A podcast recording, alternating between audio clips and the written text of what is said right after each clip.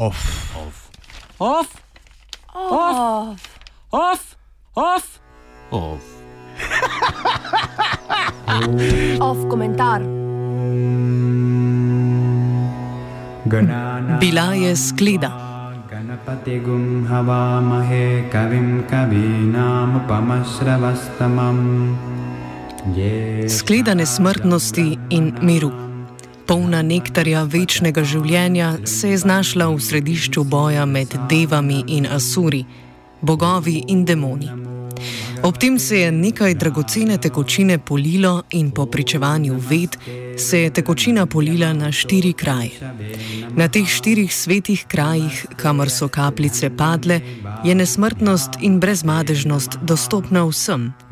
Ta skleda je Kumbha, mega festival, kjer se na omenjenih štirih krajih izmenično vsake 12 let kopajo v svetih rekah, pa Kumbh Mela.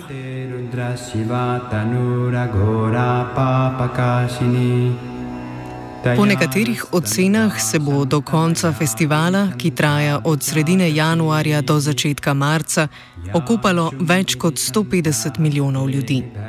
Da te reke niso ravno najčistejše, je splošno znano, a tokratni kump pesti še ena velika nečistoča politika.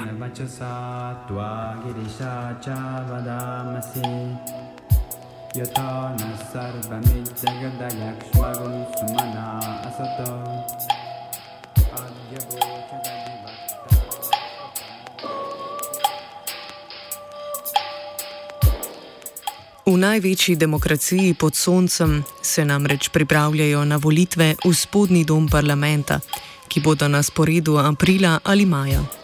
Nikogar torej ne bo presenetilo dejstvo, da so lokalni in državni veljaki letošnji festival izdatno financirali.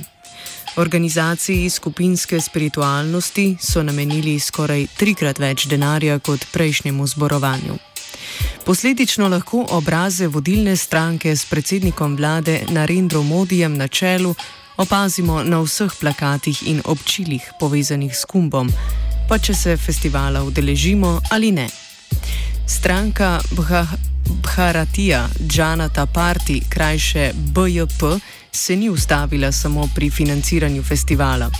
Celo eno izmed štirih svetih mest, v katerih se dogaja kump, so preimenovali iz Allahabad v Prajag Raj.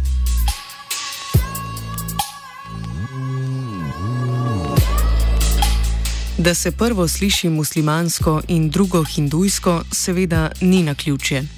Opozicija in muslimanska manjšina vladajočo BJP redno obtožujejo verske nestrpnosti nad 190 milijonov indijskih muslimanov, ki so največja muslimanska manjšina na svetu in tretja največja populacija muslimanov za Indonezijo in Pakistanom. Zapleteni odnosi med večinskim hindujskim prebivalstvom in muslimani so polni zgodovinskih napetosti, ki so jih indijsko-pakistanske vojne v drugi polovici 20. stoletja še poglobile.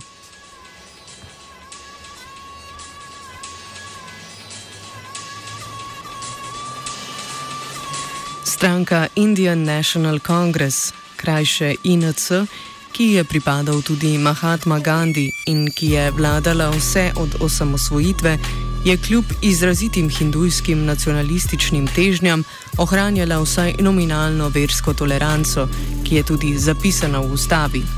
Nova vlada pa se aktivno poteguje za hinduizacijo državnega aparata in financira gradnjo ogromnih hindujskih templjev. Vlada je ustanovila tudi dolgoletni program sofinanciranja romanja v Meko, kar je mnogim muslimanom onemogočilo oditi na hač.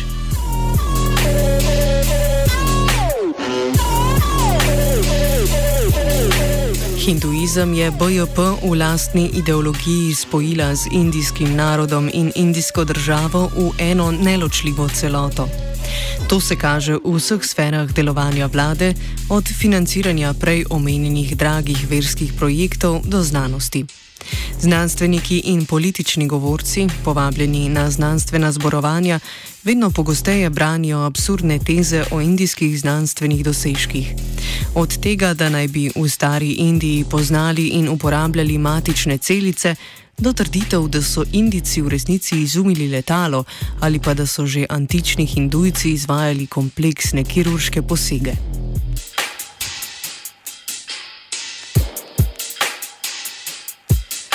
Poveličevanje ved in drugih svetih besedil v indijskem nacionalizmu sicer ni nič pretirano novega.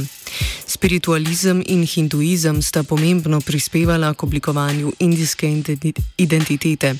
Brez njiju si težko predstavljamo odcepitev Indicev od kolonialne ideologije in rasističnega britanskega nazora. Vendar so kljub močnim nacionalističnim težnjam in gradni lastne nacionalne identitete verske manjšine v novi indijski državi našle svoj prostor. Indijska ustava vsebuje mnogo členov o verski svobodi in deprivilegiranim manjšinam zagotavlja kvote v javni upravi in politiki. Ta edinstvena, nesekularna, a hkrati versko tolerantna državna ureditev je omogočala lažje sobivanje kulturno-pluralne med, kulturno megadržave.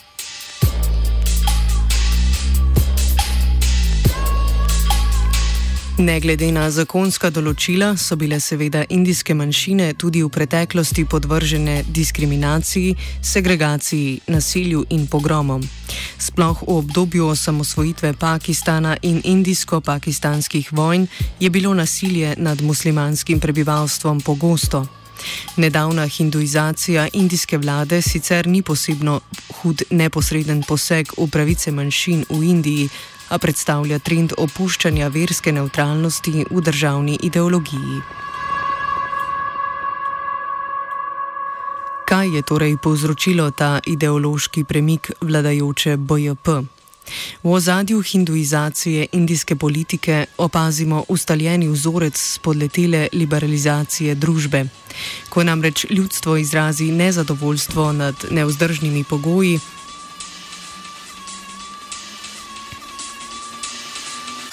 v katere je pahnjeno v imenu napredka in gospodarske rasti, se politična gibanja, ki so prej prisegala na omenjeno ekonomsko liberalizacijo, naslonijo na konservativne in nacionalistične elemente lastnega gibanja. Načrte in reforme nadomestijo poveličevanje nacionalne identitete, desni populizem in ksenofobija.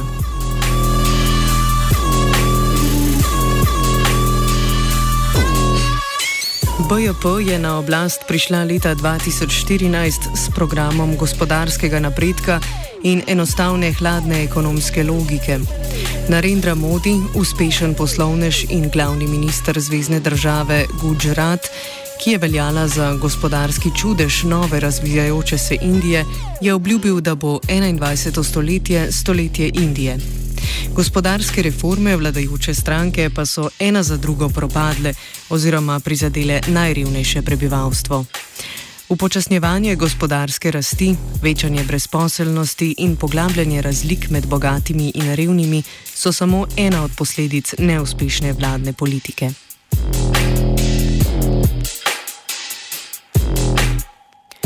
Monetarna reforma je bila simbolična za poskuse liberalizacije indijskega gospodarstva.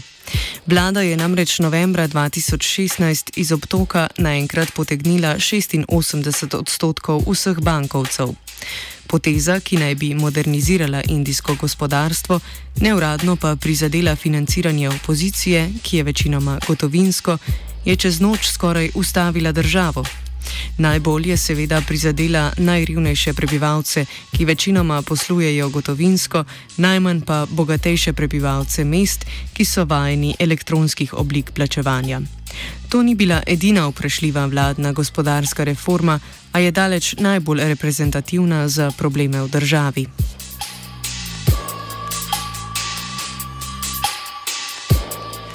Leto, leto 2018 so zaznamovali množični protesti kmetov in revnejšega prebivalstva, katerim so se v novem letu pridružili še stavkajoči javni uslužbenci.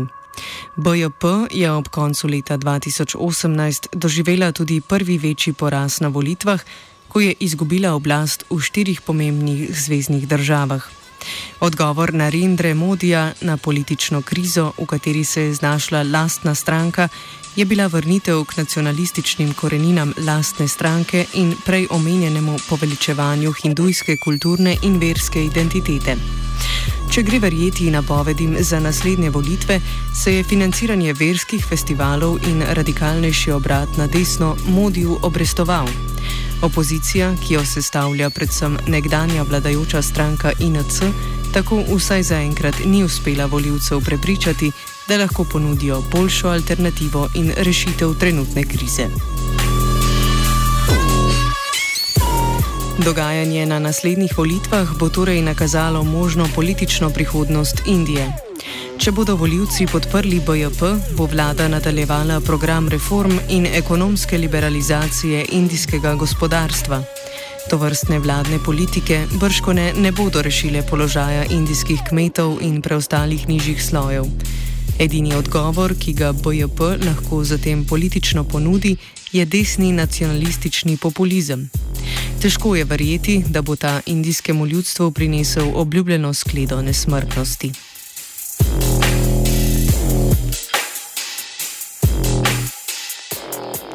Besede je prelival koruza. Off. Off. Off. Off. Off. Off. Off. Off. Off komentar.